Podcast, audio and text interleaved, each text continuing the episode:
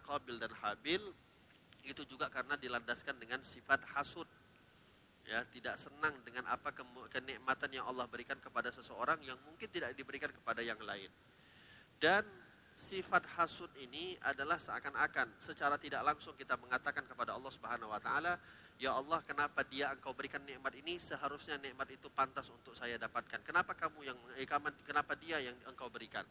Kita mau protes sama Allah Subhanahu wa taala tapi itu secara tidak langsung. Oleh sebab itu, sifat hasud ini berbahaya, perlu untuk kita singkirkan, perlu untuk kita buang jauh-jauh.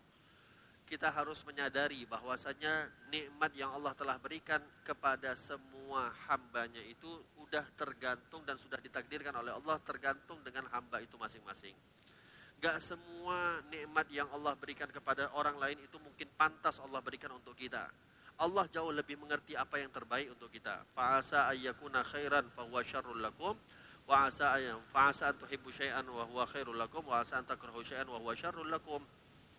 Fa'asa an tuhibbu syai'an wa huwa syarrul lakum fa'asa an takrahu syai'an wa huwa khairul lakum fa'asa tuhibbu syai'an wa huwa khairul uh, syarrul lakum. Bisa jadi kamu menyukai sesuatu, bisa jadi itu adalah sesuatu yang gak bagus untuk kamu. Dan kata Allah, bisa jadi kamu tidak menyukai sesuatu, malah itu adalah suatu hal yang bagus untuk kamu. Sering kan kita mendapatin, kadang-kadang kita, kita kita mendapatkan musibah, ketika kita mendapatkan ujian, cobaan, bala. Terkadang kita mengeluh, ya Allah kenapa aku diberikan satu ujian semisal ini. Yang Allah wa'alam bisa jadi Allah sedang menyiapkan atau sedang menyelamatkan kita daripada ujian yang lebih besar. Saya pernah cerita, kalau tidak salah di tempat yang ini, di, di masjid ini, tentang saya punya kawan. Dulu pernah kuliah di Wuhan, di Wuhan. Ya, dia, dia kuliah di Wuhan, tepat di Wuhan. Itu tiga bulan sebelum adanya virus corona yang mulai merebak di kota Wuhan pertama kalinya, itu umiknya sakit, ibunya sakit di Aceh kebetulan. Akhirnya dia pulang, dia tinggalkan kampusnya, dia tinggalkan kuliahnya, dia pulang mengurus ibunya. Sampai di saat itu dikatakan dia harus terbengkalai dengan kuliahnya. Dia pulang berbulan-bulan mengurus ibunya. Subhanallah, gak lama dua bulan atau setelah dia mengurus ibunya itu, datanglah virus corona ini yang menyebar begitu dahsyat di kota Wuhan itu sendiri. Di sini kan kita melihat Allah menjadikan musibah satu musibah supaya Allah mungkin ingin menyelamatkan kita daripada musibah yang lebih besar. Oleh sebab itu, bagi orang yang memiliki sifat husnudzon kepada Allah Subhanahu wa taala, yang lebih mengedepankan sifat husnudzon kepada Allah, baik sangka sama Allah, maka apa pun yang akan diberikan oleh Allah kepada orang tersebut, kepada kita seorang hamba, maka kita akan meyakini bahwasanya apa yang telah Allah takdirkan karena apa yang akan terjadi kepada kita itu adalah merupakan takdir yang telah ditetapkan oleh Allah maka itu merupakan satu hal yang baik. Ya mungkin saya pernah harus ceritakan ketika ada satu orang raja ada satu orang raja memiliki teman akrab yang mana ini orang dari kecilnya dari si raja ini belum jadi raja udah berteman dengan satu orang ini akhirnya karena memang kawan sahabat karib dari kecil sehingga ketika si raja ini sudah menjadi raja ya meneruskan pewaris daripada ayah-ayahnya tetap kawannya ini tidak akan dilepas. Ada hal-hal perbedaan mungkin uh, dengan pejabat-pejabat atau bawahan-bawahan dibandingkan dengan kawan akrab. Sampai mereka mempunyai kebiasaan kalau itu mereka apa namanya pergi suka pergi ke apa namanya uh, memanah atau mencari hewan buruan pergi ke hutan-hutan si raja ini suka memburu memburu binatang kawannya ini pun menjadi kawan setianya setiap kali si raja memburu hewan. Alkisah, mereka berjalan berdua. Ketika mereka berjalan, subhanallah si raja ketika itu memanah, salah cara si raja memanah sampai satu ujung jari si raja. Namanya kalau dalam bahasa Arab itu anmulah. Satu ujung jari si raja itu raja yang kecil ini yang dari punya satu prinsip yang prinsip ini sangat baik. Dia bilang apa? Syai' min Allah fahuwa khair. Kullu min Allah Allah itu pasti baik. Setiap ada apa pun selalu dia kedepankan semua yang datang dari Allah. Spontan ketika dia terputus saja, semua yang datang dari Allah itu baik. Akhirnya orang ini, raja ini nggak terima. Enak sekali kamu bilang tangan saya yang putus, kamu bilang ini baik. Di mana letak baiknya? Tapi dia tetap teguh. Semua yang datang dari Allah itu baik, raja. Akhirnya dia nggak terima ini raja. Nggak terima dia. Egonya dikedepankan. Tangkap ini orang. Berlalu seminggu, dua minggu, akhirnya tangan raja pun udah mulai membaik. Dia mau pergi lagi yang akrabnya ini, yang biasa menemaninya ini tidak bisa menemani karena sudah dipenjara, akhirnya si raja pun pergi sendirian. Allahumma ketika masuk ke dalam hutan, jalan-jalan, saya sibuk asik, ngejar hewan, ngejar hewan, sampailah si raja tersesat sendirian gak ada kawan. Sendirian gak ada kawan. Subhanallah, di hutan itu ada segerombolan orang-orang kanibal orang-orang kanibal, tukang makan manusia, sumanto lah kita bilang orang sekarang ini, kanibal. Dapat ada satu orang sedang kesasar, bajunya baju mewah, penampilannya menarik, ya namanya raja pula, ya gimana lah. Akhirnya ditangkap. Ketika ditangkap, dibawalah kepada kepala suku si kanibal ini tadi. Ketika dibawa, mereka pun bersyukur, oh ini tangkapan kita tangkapan yang luar biasa ini. Istilahnya makanannya makanan paling lezat lah dagingnya ini daging mahal punya ini ya. Akhirnya ketika mereka sudah mau siap-siapkan bumbu-bumbunya untuk si raja ini dimasak digoreng ya udah disiapkan bumbu-bumbunya ada satu ritual mereka yang mereka lakukan. Si raja kanibal harus mengecek dulu siapa santapan yang akan dimakan. Kenapa harus dicek? Mereka punya uh, apa namanya ya semisal kayak uh, suatu pedoman kalau yang mau dimakan ini ada satu hal yang cacat ini berbahaya akan jadi virus racun. Akhirnya diperiksa tubuhnya si raja dilihat dari ujung rambut sampai ujung kaki ketika sampai ke tangan dilihat tangannya terputus. Kata raja kanibal ini nggak bisa dipakai ini bahaya kalau dimakan nanti ini tangannya karena tangannya terputus bisa membuat kita menjadi teracun teracuni akhirnya dilepaskan nggak bisa dipakai nggak jadi dimakan Ketika dilepas sama si raja ini dia berpikir, yang pertama kali yang diingat adalah kawannya yang di penjara. Dia bilang, betul kata kawan saya. Kullu syai' minallah fahuwa khair. Semua yang datang daripada Allah itu pasti baik. Akhirnya dia coba cari-cari cari jalan sampai dia sampai jalan artinya balik lagi ke istana. Ketika sampai ke istana yang pertama kali yang dia lakukan dia datengin kawannya itu yang dia penjara. Ketika dia datengin kawannya yang di penjara dia minta maaf. Minta maaf saya sudah berbuat zalim kepada kamu. Saya mengucapkan juga terima kasih kepada kamu. Memang apa yang kamu katakan yang semua yang datang dari Allah itu baik itu semua benar. Kawannya ini heran raja apa ada angin apa kok tiba-tiba raja tiba-tiba minta maaf ah, memohon-mohon maaf, mengucapkan terima kasih apa yang berlaku? Kata raja ini diceritakanlah dari awal sampai akhir. Si kawannya ini bilang alhamdulillah. Alhamdulillah raja. Loh, kenapa kok kamu ucap alhamdulillah? Kamu kan saya penjarakan, kamu kan saya dolimi. Kamu nggak punya salah, saya dolimi. Kenapa kamu ucap alhamdulillah? Alhamdulillah raja saya harus bersyukur semua yang datang dari Allah itu baik. Loh kenapa gitu? Ya, raja coba bayangkan. Kalau saya nggak raja penjara, nggak raja tangkap, bisa jadi raja pasti ngajak saya untuk berburu di saat itu. Tamam. Bisa jadi juga kita berdua kesasar. Bisa jadi juga kita berdua ditangkap.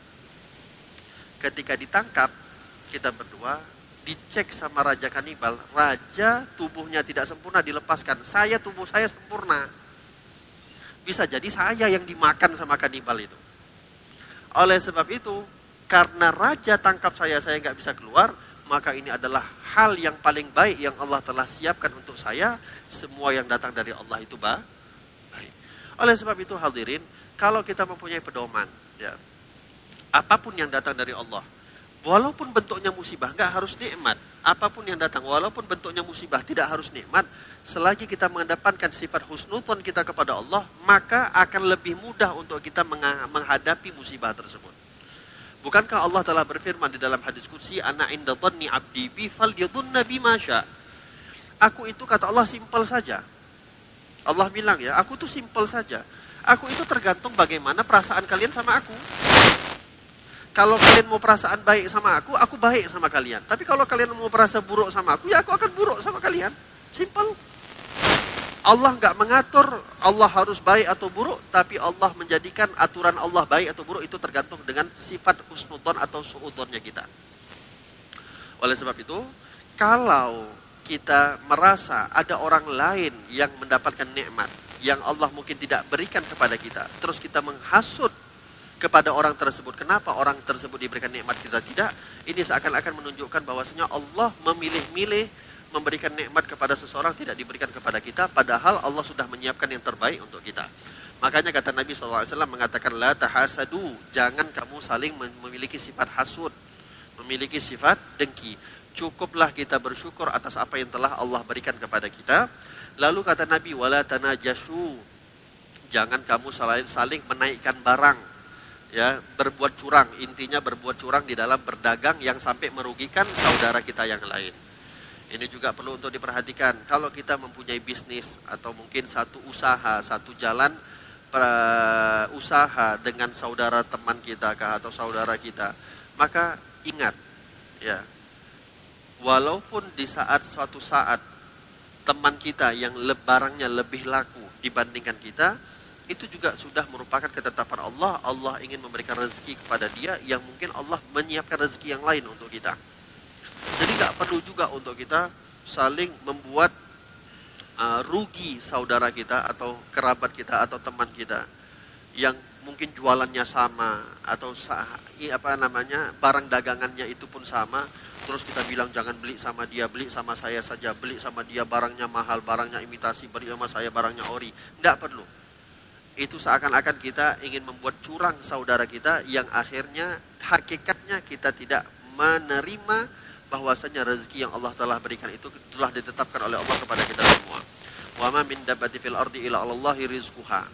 Kata Allah dalam Al-Qur'an, "Wa ma min dabbati fil ardi illa 'alallahi rizquha." Tidak ada satu binatang jelata pun kecuali Allah binatang melata. Tidak ada binatang melata pun kecuali Allah Subhanahu wa taala telah menentukan rezekinya. Al-Imamul Haddad, Al-Imam Al-Habib Abdullah bin Alwi Al-Haddad ketika membaca ayat ini, beliau mengatakan, "Demi Allah, setelah aku membaca ayat ini, wala min dabbatin fil ardi illa 'ala Allah rizquha tidak ada satupun benak binatang melata kecuali Allah telah memberikan rezekinya telah ditentukan rezekinya kata Imamul Haddad kalau satu kota Tarim semua orang yang ada di kota Tarim itu adalah anak saya dan semuanya harus saya tanggung nafkahnya maka saya tidak akan pernah takut lagi akan nafkahnya mereka karena saya sudah menjamin ayat wala wala min dabbatin fil ardi illa 'ala Allah rizquha tidak ada satu binatang melata pun kecuali sudah ditetapkan oleh Allah rezekinya. Gak perlu saya takut. Kenapa harus saya takut? Allah sudah tetapkan rezeki mereka. Ya, hanya saja. Nah ini balik lagi ke kurs ini kita tadi. Cukup itu bukan soal nah, nilai, tapi soal rasa. Ala kulihal. Wala tanajasu. Juga wala tabaghadu. Jangan saling membuat marah Ya, artinya jangan terlalu cepat marah dengan saudara muslim. Itu bisa diartikan dengan wala tabaghadu. Juga inti daripada tabaghadu di sini juga adalah jangan saling menjadikan orang lain itu bermusuhan satu dengan yang lain atau memiliki sifat adu domba, namimah. Yang sudah kita jelaskan pada pertemuan yang lalu bahayanya orang kalau memiliki sifat namimah yang dikatakan oleh para ulama orang kalau mempunyai sifat namimah, ngadu domba orang, kerjaannya ngadu domba orang. Apa ngadu domba orang? Diambil ucapannya si A yang menceritakan si B, dijelaskan kepada si B, lalu si B juga menceritakan kepada si A, akhirnya orang yang yang tengah-tengah ini mengambil ucapannya si B disampaikan kepada si A, si A dan si B berantem, berkelahi.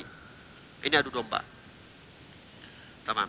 Kata ulama, orang yang memiliki sifat adu domba, namimah, ya, terbiasa dia namimah adu domba orang itu pilihannya dua kalau bukan orang ini adalah orang anak hasil zina orang ini anak hasil zina atau orang ini ketika ibu dan bapaknya berhubungan suami istri dalam keadaan ibunya sedang haid Kenapa? Saking hinanya orang yang memiliki sifat adu domba. Oleh sebab itu, di sini dikatakan oleh ulama Al-Imamul Ghazali, beliau mengatakan, ada enam hal yang harus kita lakukan. Ada enam hal yang harus kita lakukan apabila kita mendapati ada orang yang sedang mencoba untuk mengadu domba kita. Ya, kalau ada orang yang sedang ingin mencoba mengadu domba kita, kata Imamul Ghazali ada enam hal sikap yang harus kita ambil. Apa yang pertama? Allah yusaddiquh. Jangan sekali-kali percaya dengan apa yang dia katakan. Orang yang mengadu domba kita tadi, apa pun yang udah ucapkan, jangan pernah sekalipun dipercaya. Buang. Itu kata Imam Al-Ghazali yang pertama. Yang kedua, ayyanhahu an dzalik. Diingatkan orang tersebut, disampaikan kepada orang tersebut, untuk apa kamu mengadu domba saya? Dilarang, jangan dibiarkan. Itu yang kedua. Yang ketiga, ayyabghuduhu fillah. Kita harus marah kepada dia, tapi marah kita bukan karena hawa nafsu, marah kita karena Allah. Kita gak suka dengan apa yang dia lakukan. Kita gak suka dengan sifat dia mengadu domba kita. Ingat, ketika Allah kita ketika kita dianjurkan oleh Nabi Shallallahu Alaihi Wasallam mencintai karena Allah, membenci karena Allah, memberi karena Allah, tidak memberi karena Allah adalah ketika kita membenci seseorang misalnya bukan karena kita membenci personalnya, pribadinya, tidak. Tapi yang kita benci adalah perilaku yang ada pada dirinya. Yang bisa jadi ini merupakan suatu perbedaan besar. Kalau kita membenci pribadinya orang dengan membenci perilakunya orang.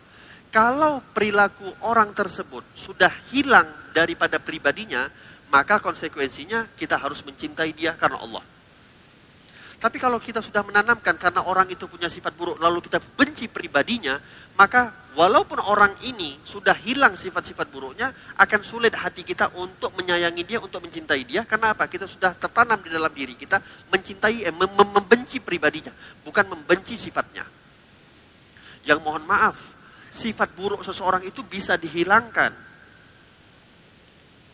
Dan tidak ada yang bisa memastikan bahwasanya sifat buruk yang dimiliki oleh seseorang lain itu itu seakan-akan terjamin nggak akan sampai kepada sifat pribadi kita.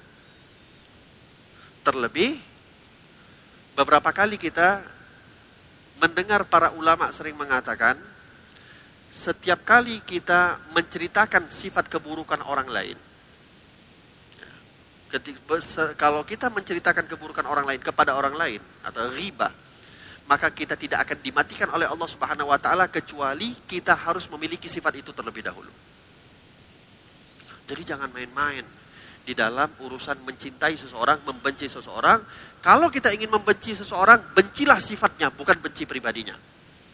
Ada orang sedang bermaksiat, ketahuan berzina. Jangan kita jauhi pelaku perzinahannya, tapi jauhi perbuatan dia berzina tersebut.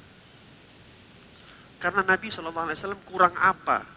Menghadapi orang-orang yang wataknya itu bermacam ragam. Akan tetapi Nabi Shallallahu Alaihi Wasallam senantiasa merangkul mereka. Yang dibuang oleh Nabi Shallallahu Alaihi Wasallam adalah sifat buruknya. Pernah kan Nabi Shallallahu Alaihi Wasallam itu didatangi oleh sahabat, ah, ada badui ini bilang, ya Rasulullah saya mau beriman, saya mau sholat, saya mau puasa, saya mau sedekah, saya mau ngapa-ngapain, saya boleh ibadah apa pun saya kerjakan. Tapi satu ya Rasulullah, tolong jangan larang saya untuk berzina. Itu yang saya nggak mampu. Apa kata Nabi? Oh enak saja kamu pezina keluar kamu. Eh, enggak. Kata Nabi SAW dikiaskan oleh Rasulullah. Kamu kalau berzina, kira-kira ibu kamu itu dizinahin sama orang, kamu terima apa enggak? Enggak lah ya Rasulullah. Kakak kamu enggak lah ya Rasulullah. Anak perempuan kamu enggak. Semua anak atau semua keluarga perempuannya disebut sama Nabi ditanya oleh Nabi, kalau mereka dizinahin sama orang lain, kamu ridho apa enggak? Dia bilang enggak. Ya sama aja kata Nabi SAW. Nabi bilang, bisa jadi ketika kamu berzina kepada orang lain, itu mungkin anaknya orang, ibunya orang, kakaknya orang, tantenya orang, waknya orang, atau siapapunnya orang. Sebagaimana orang gak ridho, sebagaimana kamu gak ridho, wanita mereka di wanita kamu dizinahi oleh orang, maka orang lain pun tidak ridho kalau wanita mereka dizinahi oleh kamu. Diberikan pemahaman oleh Nabi, gak langsung dijauhi oleh Rasulullah Sallallahu Alaihi Wasallam, akan tetapi diberikan pemahaman oleh Nabi sehingga orang ini pun akhirnya mengatakan tidak ada satu maksiat yang lebih aku benci melebihi perzinahan. Diberikan pemahaman yang jelas oleh Nabi Shallallahu Alaihi Wasallam.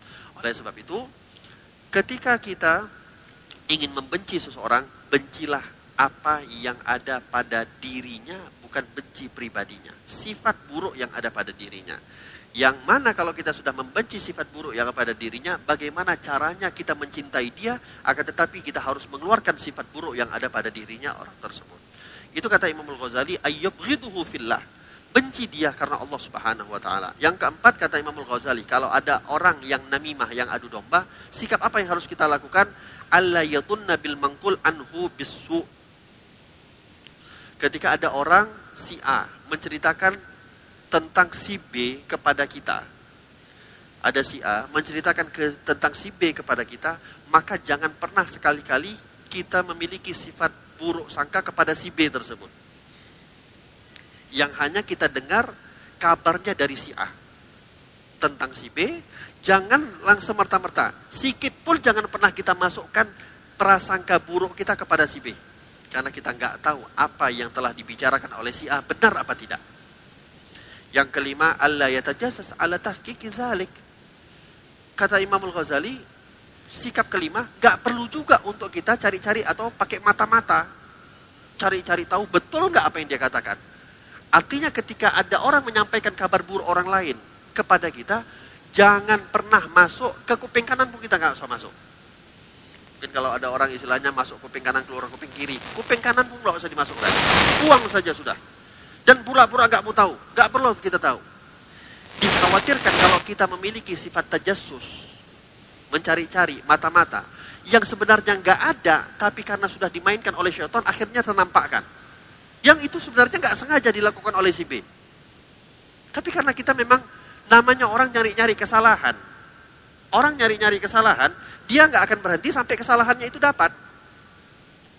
Tapi kalau dari awal sudah kita tanamkan, nggak akan saya, ya udah, kamu ngomong apa ngomong dah, saya nggak akan pernah buruk sangka sama ini dan saya nggak akan cari tahu. Dan yang keenam, Allah yahki mana malahu bihi. Gak usah diceritakan apa yang disampaikan oleh si A tentang si B, gak perlu juga kita sampaikan kepada si B. Kalau kita sampaikan ya kita pula ya, jadi tukang adu dom, adu domba. Di sini dikatakan Al-Imam Abdul Hasan Asyadili, beliau pernah mengatakan, Iza nakala ilaika ahadun kalaman an sahibin laka fakullahu. Kata Imam Abdul Hasan Asyadili, kalau ada orang, ada orang ya, dia datang kepada kamu, dia menceritakan keburukan sahabat kamu teman kamu, maka katakan kepada dia, Ya haza, anna min suhbati akhin wa wudduhu ala yakin. Wa min qawlika ala tan, wa la yutruk yakin di tan. Abdul Hasan bilang kalau ada orang ya nyeritain keburukan teman kamu, cukup katakan kepada dia, eh fulan, saya itu cinta sama kawan saya, itu sudah dalam keadaan yakin. Batasnya itu yakin. Saya yakin Sementara ucapan yang kamu sampaikan kepada saya itu masih prasangka. Masih praduga. Untuk apa saya mengambil satu hal yang masih bentuknya prasangka dan saya tinggalkan satu hal yang saya yakin saya cinta sama sama, sama teman saya. Nah, di sini juga supaya yang menyampaikan kabar-kabar yang buruk teman tentang teman kita, yang mencoba untuk mengadu domba kita, dia juga terpelajari dia juga bisa dapat mengambil pelajar pelajaran supaya tidak terbiasa menceritakan keburukannya orang lah orang lain. Wagala Syekh Afdaluddin, ada Syekh Afdaluddin juga beliau pernah mengatakan, "Idza naqala ilaikum ahadun kalaman fi ardikum ana hadir fazjir fazjiruh ainakil walau kana azza ikhwanikum." Kata Imam Afdaluddin beliau mengatakan kalau ada orang memindahkan kepada kalian atau mengabarkan kepada kalian ucapannya orang lain tentang kehormatannya kalian, maka jauhin ini orang. Jauhin. Ya. Walau kana azza ikhwanikum, walaupun dia adalah kawan dekatnya kamu. Wa lahu dan katakan kepada dia, in kunta ta'taqid fina hadzal amr fa anta wa man nakalta anhu sawa. Bilang sama orang yang suka mindah-mindahin atau nyampe-nyampein kalam buruk ini, ucapan-ucapan buruk. Bilang sama dia, kamu ya, kalau memang menyampaikan kepada saya dan kamu yakin bahwasanya apa yang kamu sampaikan itu betul, maka kamu sama kawan kamu yang mengatakan buruk kepada saya itu sama buruknya. Ya, sama buruknya. Bal anta aswa minhu. Bahkan kamu itu jauh lebih buruk daripada kawan kamu yang menyampaikan keburukan saya. Kenapa? Li'annahu lam yasma'na dhalik. Karena saya nggak pernah dengar ucapan yang kamu sampaikan daripada orang itu tadi. Tapi kamu nyampaikan kepada saya. Itu kalau memang ucapannya benar. Tapi kalau ucapannya nggak benar, batil, fi hakina wa ba'id anna.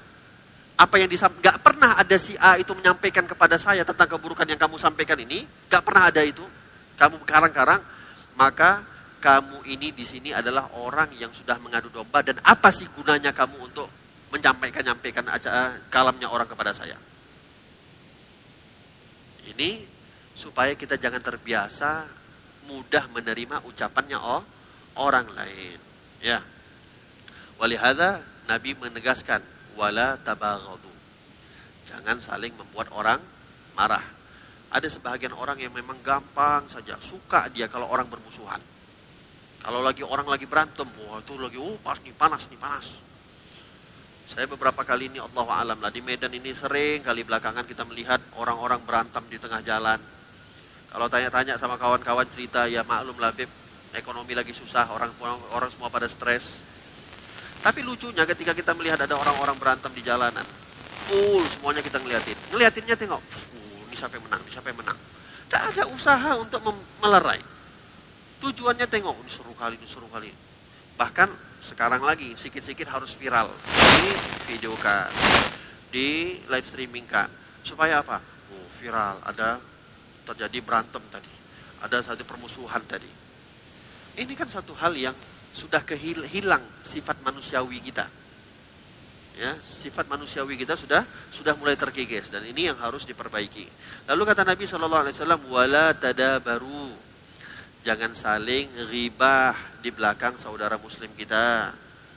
Jangan saling menceritakan keburukan di belakang saudara Muslim kita.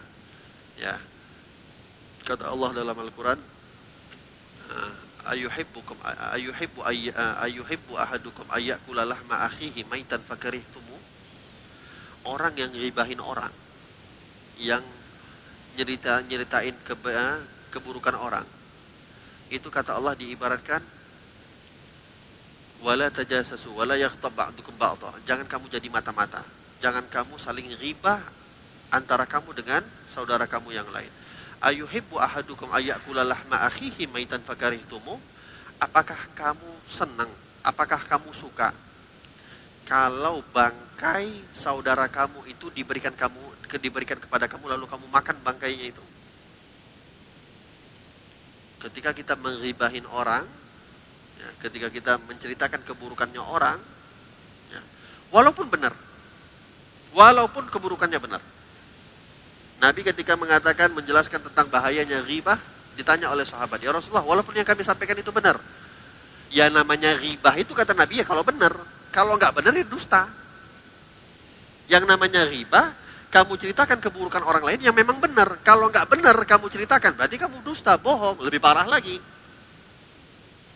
Tapi lihat bagaimana Allah Subhanahu wa taala memberikan uh, permisalan orang yang ribahin orang itu seakan-akan kita sedang makan bangkai orang yang kita ribahin tersebut. Bukan orang biasa, kayak bangkai saudara kandung kita sendiri diumpamakan oleh Allah Subhanahu wa taala. Walhada kata Nabi sallallahu alaihi wasallam, la yahillu li rajulin ayyahjura akhahu fawqa thalathi layalin yaltaqiyan fayuridu hadha wa yuridu hadha. Tidak akan di dihalalkan oleh Allah Subhanahu wa taala segala amal ibadahnya apabila orang tersebut menjauhi, memusuhi, mengribah saudaranya lebih daripada tiga hari. Ya, kalau kita mau bermusuhan atau punya musuh sama kawan, sama saudara kita, maka jangan lebih dari tiga hari. Lebih dari tiga hari tidak diridhoi oleh Allah Subhanahu Wa Taala apa pun yang kita lakukan diajarkan kita untuk senantiasa kalau ada satu hal yang nggak dengar, yang nggak baik kita dengar, langsung klarifikasi, tanya apakah betul engkau mengatakan ini, apakah engkau betul mengatakan ini, sehingga kita semua masalah kita clear. Tapi kalau kita biarkan satu hari, kita biarkan dua hari, kita biarkan tiga hari, kita biarkan lima hari, kita biarkan tujuh hari, setan mulai masuk ke dalam hati kita, akhirnya kita pun akan malas untuk klarifikasi sama orang tersebut dan merasalah sudah mendarah daging ke dalam hati kita. Maka itu juga dilarang oleh Nabi Shallallahu Alaihi Wasallam. Lalu Nabi mengatakan wala bai wala bai ba'dukum ala ba'i ba'din. Jangan sekali-kali kamu menjual barang kamu di atas barang saudaranya kamu. Ada orang belanja sama kawan kita, kita bilang, kamu nggak usah beli sama dia, beli sama saya saja, lebih murah. Padahal dia sudah sepakat dengan kawan kita. Ini juga diharamkan di dalam syariat kita. Ya, gak usahlah kita sibuk dengan rezekinya orang. Mau dia jual lebih mahal, mau dia jual lebih murah, itu biarlah kesepakatan dia antara si penjual dengan si pembeli. Kalau memang barang kita pantas untuk dibeli, maka Allah akan mengarahkan orang tersebut untuk membeli barang kita. Tapi lihat kalau kita mohon maaf ya, dalam bab-bab jual beli bisnis ini kita lebih salut dengan orang Chinese. Dengan orang Tionghoa, Tiongkok apa Tionghoa hasil orang Chinese. Kita lihat kalau mereka jualan itu hampir satu jalan itu mereka jualan tokonya dan semua jualannya barang dagangannya sama rata-rata. Kalau jual jam, jual jam, deret. Kalau jual barang apa, barang semua sederet.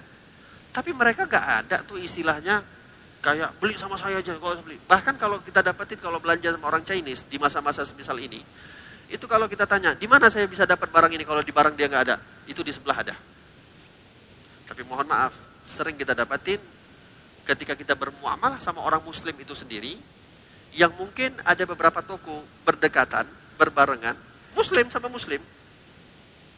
Ketika ditanya, padahal mungkin yang muslim ini tahu, yang pedagang ini tahu, di sebelah barangnya nggak ada di sebelah ada tapi dia nggak tunjuk tempat yang lain. Ada sifat hasud. Nggak mau orang lain mendapatkan nikmat. Ya, nggak mau orang lain mendapat. Allahumma kita perlu banyak belajar. Bukan hanya kepada orang muslim kepada orang kafir kita harus banyak belajar. Akhlak-akhlak muslim akhlak-akhlak yang ada di dalam agama Islam yang diajarkan oleh Nabi mohon maaf. Yang paling sekarang banyak mempraktekkan bukan orang muslim tapi orang kafir. Dari segi apa pun kedisiplinan kita merosot. Kebersihan kita merosot. Coba pergi ke Eropa, terkenal bersih. Terkenal rapi. Bukankah itu yang paling ditekankan di dalam agama kita? Kita nggak ngomong di Indonesia, tapi Anda coba pergi ke Arab. Pergi ke Arab. Jarang dapetin di Arab itu, di mana pun negeri Arab. Jarang Anda dapetin kamar mandi di toilet umumnya itu bersih. Kotor di mana-mana. Tapi kalau kita pergi ke Eropa misalnya, rapi, bersih, wangi. Padahal ini yang sangat dianjurkan oleh Nabi Shallallahu Alaihi Wasallam untuk kita terapkan sebagai seorang Muslim. Ya. Dari segi apa pun, kedisiplinan. Tengoklah tuh kalau orang-orang Amerika, orang-orang Eropa, kalau disuruh ngantri-ngantri, mereka rapi. Pas kena sama awak di Medan, selesai. Saya pernah masuk ke negeri Arab saya pernah masuk ke negeri Arab. Ya. Saya waktu itu melakukan umroh. Saya bawa nenek saya, usianya ketika itu 90 tahun. Berangkat umroh. Ada nenek saya, ada ibu saya. Itu kami datang jam 2 malam, nyampe ke Jeddah. Antri imigrasi, ya, nenek saya yang umur 90 tahun, itu dicop paspor kami jam 7 pagi. Kami ngantri, ngantri beratur Pas udah dekat, nanti datang dari negara lain. Saya nggak sebut negara apa, datang dari negara lain, nyerobot. Nenek kita umurnya 90 tahun, ini ada pula yang nyerobot, aduh maaf ya saya ngesot, sambil ngesot. Pura-pura sakit. Pas udah di imigrasi, berdiri gagah dia. Lima jam. Saya punya ibu kebetulan waktu itu. Nenek saya alhamdulillah umur 90 tahun kuat. Sampai habis dicop, kuat eh santai dia ibu saya, tante saya ketika itu habis dicop muntah, kelamaan berdiri, pusing. Yang kita yakin, yang antri waktu itu semuanya orang muslim. Gak ada orang, yang namanya orang mau umrah, mana pula ada orang non muslim. Tapi beginilah kita, keadaan kita sekarang. agama kita yang mengajarkan kedisiplinan kebersihan tidak lagi menerapkan itu semua, justru malah dipelajari dan diterapkan oleh orang-orang kafir di negeri-negeri kafir. Tengoklah, mohon maaf kalau ada antrian BLT, semua saling serobot. Semua ini, semua ini. Mana akhlak kita? Yang seharusnya bukan kita mengedepankan diri kita, kita kedepankan orang lain. Harusnya bukan kita mengedepankan diri kita, kita sampai mendolimi orang lain. Harusnya itu kita malah memberikan orang lain jalan. Kalau ada orang yang lebih tua, kita udah di depan, kasih dia jalan di depan. Itu yang harus dilakukan. Tapi ini jauh sebaliknya. Maka kata Nabi Shallallahu Alaihi Wasallam, wala baik ba'dukum ala baik ba'din. Jangan kamu menjual barang di atas barangnya orang. Orang udah transaksi, ngapain kamu beli sama dia? Bagus beli sama saya, saya kasih harga lebih murah. Ini haram. Ini ha? haram. Wa kunu ibadallahi ikhwana. Kata Nabi SAW, jadilah kamu hamba-hamba Allah yang saling bersaudara. Ya. Innamal mu'minuna ikhwah fa aslihu baina akhwaikum. Sesungguhnya setiap orang mukmin itu adalah bersaudara. Maka fa aslihu saling suluhlah kalian, saling berdamailah kalian antara saudara kalian satu dengan yang lain. Kata Nabi, la yadlimu Jangan sekali-kali kamu mendolimi saudara muslimmu. Bahkan Nabi SAW itu pernah bersabda, unsur akhaka daliman au madluman. Bantu saudaramu itu baik dia dolim atau dia tertimpa kedoliman. Sahabat tanya, ya Rasulullah, kalau dia didolimi, oke okay, kita bantu. Tapi kalau dia berbuat dolim, gimana cara bantunya? Kita bantu kedoliman dia. Kata Nabi SAW, bukan. Kalau dia berbuat dolim, ya kalau dia terdolimi, kamu bantu dengan kamu selesaikan masalahnya. Tapi kalau dia berbuat dolim, cara kamu membantunya, tahan dia jangan berbuat dolim. Larang dia jangan berbuat dolim. Itu cara kamu membantu orang yang berbuat dolim. La yakhdulu wa la. Jangan melukai atau menghina hati saudara muslimmu. Jangan berdusta kepada saudara muslimmu. Kepada saudaramu jangan berdusta. Nabi SAW pernah ditanya, surkul muslim ya surkul mu'min ya Rasulullah? Orang mukmin itu bisa mencuri ya Rasulullah? Mungkin orang mukmin itu mencuri? Mungkin. Ayazdil mu'min? Orang mukmin itu bisa jatuh dalam perzinahan? Mungkin. Ayaktulul mu'min? Orang mukmin itu bisa membunuh, mungkin dia bisa membunuh, mungkin. Ketika ditanya sama sahabat, ayat tribul mukmin, apakah orang mukmin itu mungkin berdusta? Gak mungkin. Yang namanya orang mukmin itu gak mungkin berdusta. Kalau zina, ya bukan kita mau merendahkan, zina, pembunuhan, mencuri itu mungkin bagi orang mukmin. Tapi berdusta tidak orang tidak ada mungkin orang mukmin berdusta. Saking uh, hebatnya bagaimana kita dijaga oleh Nabi Shallallahu Alaihi Wasallam untuk tidak berdusta. Pernah juga datang satu orang kepada Nabi Shallallahu Alaihi Wasallam, ya Rasulullah, saya ini ya Rasulullah masih suka berzina. Saya masih suka minum-minum mabuk-mabukan, minum minuman alkohol. Saya suka masih berbuat maksiat ini dan itu. Juga saya ya Rasulullah masih suka berdusta. Yang mana saya harus tinggalkan? Semua maksiat saya, saya juga masih suka berdusta ya Rasulullah. Yang mana harus saya tinggalkan? Kata Nabi, tinggalkan saja yang berdusta. Jangan kamu berdusta. Yang lain kamu buat tidak masalah. Berdusta jangan. Jangan lagi kamu berbohong, tinggalkan. Akhirnya ketika orang ini mau melakukan maksiat apa pun, dia udah buat janji sama Nabi, pokoknya saya janji gak akan dusta sama sekali. Akhirnya ketika dia mau maksiat, dia mau berzina, dia pikir, nanti kalau ditanya sama Nabi, aku bilang apa? Kalau aku bilang aku gak zina, aku udah bohong. Sementara aku udah buat janji sama, janji sama Nabi. Tapi kalau aku berzina, ya aku malulah. Masa ngaku lagi sama Nabi SAW?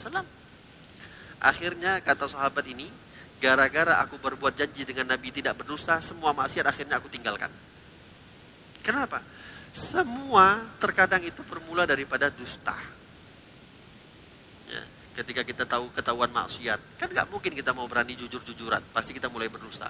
Setiap kali kita berdusta satu perdustaan, satu kebohongan, maka akan muncul kebohongan, kebohongan demi kebohongan yang lain untuk menutupi kebohongan yang pertama. Oleh sebab itu kata Nabi SAW, Kulil haqqa walau kana murra. Katakan yang benar, katakan yang jujur, katakan yang apa yang terjadi, walaupun memang itu pahit untuk kamu. Karena memang kita sebagai seorang muslim sangat sangat sangat dilarang di dalam berdusta. Oleh sebab itu, kalau kita melihat bagaimana akhlaknya para sahabat, terkadang mereka ada yang macam-macam, tapi gak ada di antara mereka yang sering pernah terdengar berdusta. Mereka sangat menjaga tidak mau berdusta dengan Nabi Muhammad Shallallahu Alaihi Wasallam. Pernah mereka berbuat maksiat ketika ditanya sama Nabi, mereka langsung bilang, Ya Rasulullah saya buat ini. Gak mau mereka nutupin dengan mereka berdusta kepada Nabi Shallallahu Alaihi Wasallam. Ya, tapi kalau seseorang itu sudah memang terbiasa untuk berdusta, maka dia dari kecilnya sampai besar dia akan mudah untuk berdusta. Dan ingat, beberapa kali saya ingin saya sampaikan, termasuk kita mengajarkan anak kita berdusta tanpa secara sengaja, ini yang nggak sadar dilakukan oleh orang-orang tua. Ketika misalnya HP kita ada yang menelpon, orang yang nelpon ini kita nggak mau menerima teleponnya. Kita suruh anak angkat anak kita yang ngangkat, kita bilang bilang aja bapak lagi di luar ya atau ketika misalnya ada orang datang ke rumah kita ya ada orang datang ke rumah kita kita nggak mau jumpa sama dia kita bilang sama anak kita kita bilang sama istri kita bilang aja saya lagi nggak di rumah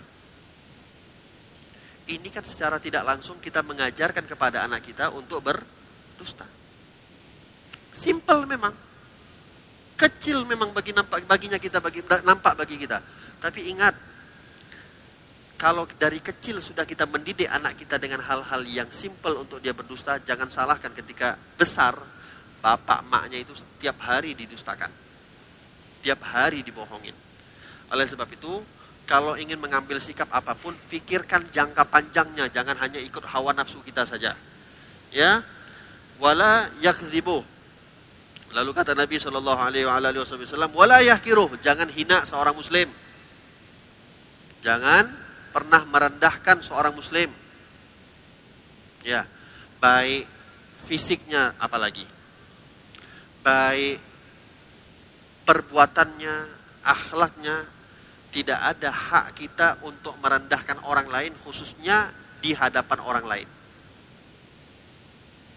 Kita punya kawan kurang bagus akhlaknya, terus kita rendahkan di hadapan orang lain. La, hati-hati tidak boleh merendahkan hati orang lain apalagi sampai menyakiti hati seorang mukmin.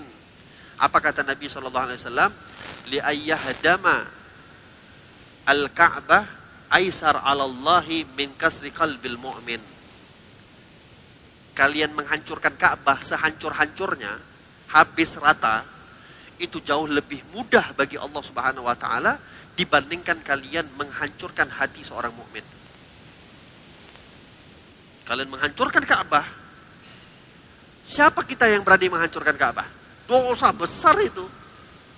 Tapi bagi Allah lebih mudah untuk Allah maafkan orang yang menghancurkan Ka'bah dibandingkan orang yang berani menghancurkan hati seorang mukmin.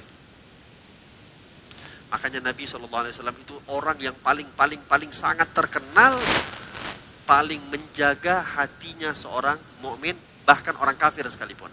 Gak pernah di dalam sejarah ada orang kafir atau orang mukmin yang mereka pernah sakit hati sama Nabi Muhammad. Gak pernah. Bahkan kan Nabi pernah itu sering kita dengar Ukasyah. Ketika Nabi SAW sebelum wafat, ya Nabi tawarkan, siapa di antara kalian yang pernah tersakiti karena saya? Gak ada satupun orang yang tunjuk tangan. Akhirnya Ukasyah tunjuk tangan, saya ya Rasulullah. Kenapa? Ya, ketika kita berperang dulu, saya waktu itu masih kafir ya Rasulullah. Gak sengaja engkau mengangkat pedangmu terkena kepada belakang saya. Nah, cambukanmu terkena kepada belakang saya. Saya tercambuk ya Rasulullah. Saya mau tuntut. Apa kan Nabi bilang? Saya oke, okay, gak masalah. Balas, ambil cambukan, cambuk saya. Diambil sama sahabat cambukan. Ketika itu Sayyidina Umar bin Khattab udah marah ini. Apa ini kurang ajar ini kok berani mengkisos Nabi Wasallam. Bukannya Nabi sengaja mencambuk dia, nggak sengaja. Akhirnya diambil campuran. Kata Ukasyah ya Rasulullah, dulu saya dalam keadaan nggak pakai baju. Sekarang buka baju engkau ya Rasulullah. Dibuka bajunya sama Nabi Shallallahu Alaihi Wasallam. Ini sahabat udah sangat marah ini. Ini awas. Kalau betul-betul dicampur, awas ini Ukasyah. Ketika dibuka bajunya oleh Nabi, Ukasyah melemparkan itu cambuk. dipeluknya badannya Nabi Shallallahu Alaihi Wasallam ya Rasulullah aku ingin aku ingin sebelum engkau wafat ya Rasulullah tubuhku ini sudah kena dengan tubuh engkau ya, ya Rasulullah badanku ini sudah kena dengan tubuh atau badannya engkau ya Rasulullah kata Nabi SAW tubuhmu tidak akan dimakan oleh api neraka wahai Ukasyah satu pun sahabat tidak ada yang berani atau yang tidak ada tunjuk tangan karena memang tidak pernah sekalipun mereka ya merasa tersakiti oleh Nabi SAW. Bahkan di Fathu Mekah, ketika kejadian Fathu Mekah, yang Nabi SAW itu sudah memiliki wewenang mutlak. Orang-orang yang ada di Mekah ketika Fathu Mekah itu bebas. Mau Nabi bunuh boleh, mau Nabi usir boleh, mau Nabi apa-apain boleh. Dan kita kan semua tahu apa yang dilakukan oleh orang-orang Quraisy yang ada di kota Mekah kepada Nabi Muhammad. Disiksa Nabi, bukan hanya Nabi, anaknya, istrinya, semua keluarganya, sahabatnya, semua kena siksa. Cobalah kalau kita posisi jadi Rasulullah ketika itu. Kita udah menang dalam satu kota yang dulunya pernah ngusir kita, pernah memaki, memaki kita, pernah uh, menyelakai kita, keluarga kita. Apa yang harus kita lakukan? Kok kita matikan semua itu orang? Tapi apa kata Nabi? Idhabu fa innakum tulaqa. Pergi kalian semua. Kalian bebas. Kalian bebas memilih kepada apa pun. Kalian bebas mau pun Karena kalian sekarang saat ini adalah orang yang merdeka. Fa antum tulaqa akhirnya karena ucapan Nabi Shallallahu Alaihi Wasallam yang membebaskan mereka semua, mereka mengatakan, gak mungkin orang yang mengambil sikap semisal ini kecuali dia adalah seorang Nabi. Makanya ketika Fatu Mekah terjadi sangat banyak orang-orang yang beriman kepada Nabi Muhammad Sallallahu Alaihi wa ala alihi Wasallam.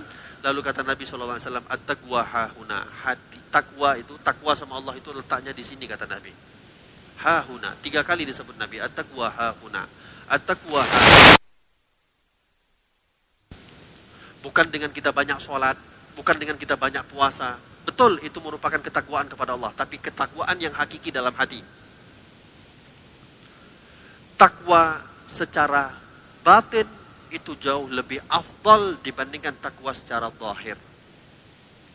Anda sholat banyak, bagus. Anda puasa banyak, bagus tapi sangat lebih bagus kalau Anda lebih menyibukkan Anda diri Anda dengan membersihkan hati Anda walaupun Anda harus mengurangi sholat-sholatnya Anda. Kalau ada pilihan untuk kita mau sholat banyak tapi dibandingkan kita tidak bisa membersihkan hati dibandingkan kita kurangin waktu kita sholat ya hanya yang lima waktu saja yang wajib-wajib saja terus kita sibukkan hati kita untuk membersihkan hati maka jauh lebih afdol kita sholat pas-pasan tapi kita sibuk dengan membersihkan hati kita Kata kata Nabi SAW, At-taqwa hahuna. Inna Allah la yanzuru ila suwarikum wala ila jisamikum walakin yanzuru ila kulubikum. Yang dilihat sama Allah itu bukan rupa, tampan, jelek, ganteng, kaya itu nggak dilihat, nggak dipandang sama sekali oleh Allah. Mohon maaf, banyaknya orang masuk surga itu bukan karena banyaknya ibadah. Tapi apa? Salamatus sadar Al-Imamul Haddad juga pernah bilang di dalam kitab Risalatul Muawanah atau Risalatul Mudzakarah saya lupa. Beliau Imamul Haddad bilang, kami ini di antara kami banyaknya yang menjadi aulia bukan karena banyaknya ibadah, tapi apa? Salamatus sadar. Dada yang selamat, hati yang selamat. Gak punya dendam sama orang, gak punya dengki sama orang, gak punya hasut sama orang, hati selamat. Walaupun ibadahnya sedikit. Ya At-taqwa hahuna kata Nabi sallallahu alaihi wasallam bihasabim bri'in ayyah minasyar ayyah kira akhahu musliman. Akhahul muslim. Cukuplah seseorang itu uh, men, berbuat satu keburukan dengan dia merendahkan saudaranya mus yang muslim. Kullu muslim alal muslim haram. Antara satu muslim dengan muslim yang lainnya haram. Apa yang diharamkan oleh Nabi? untuk dihinakan atau untuk ditebas uh, dam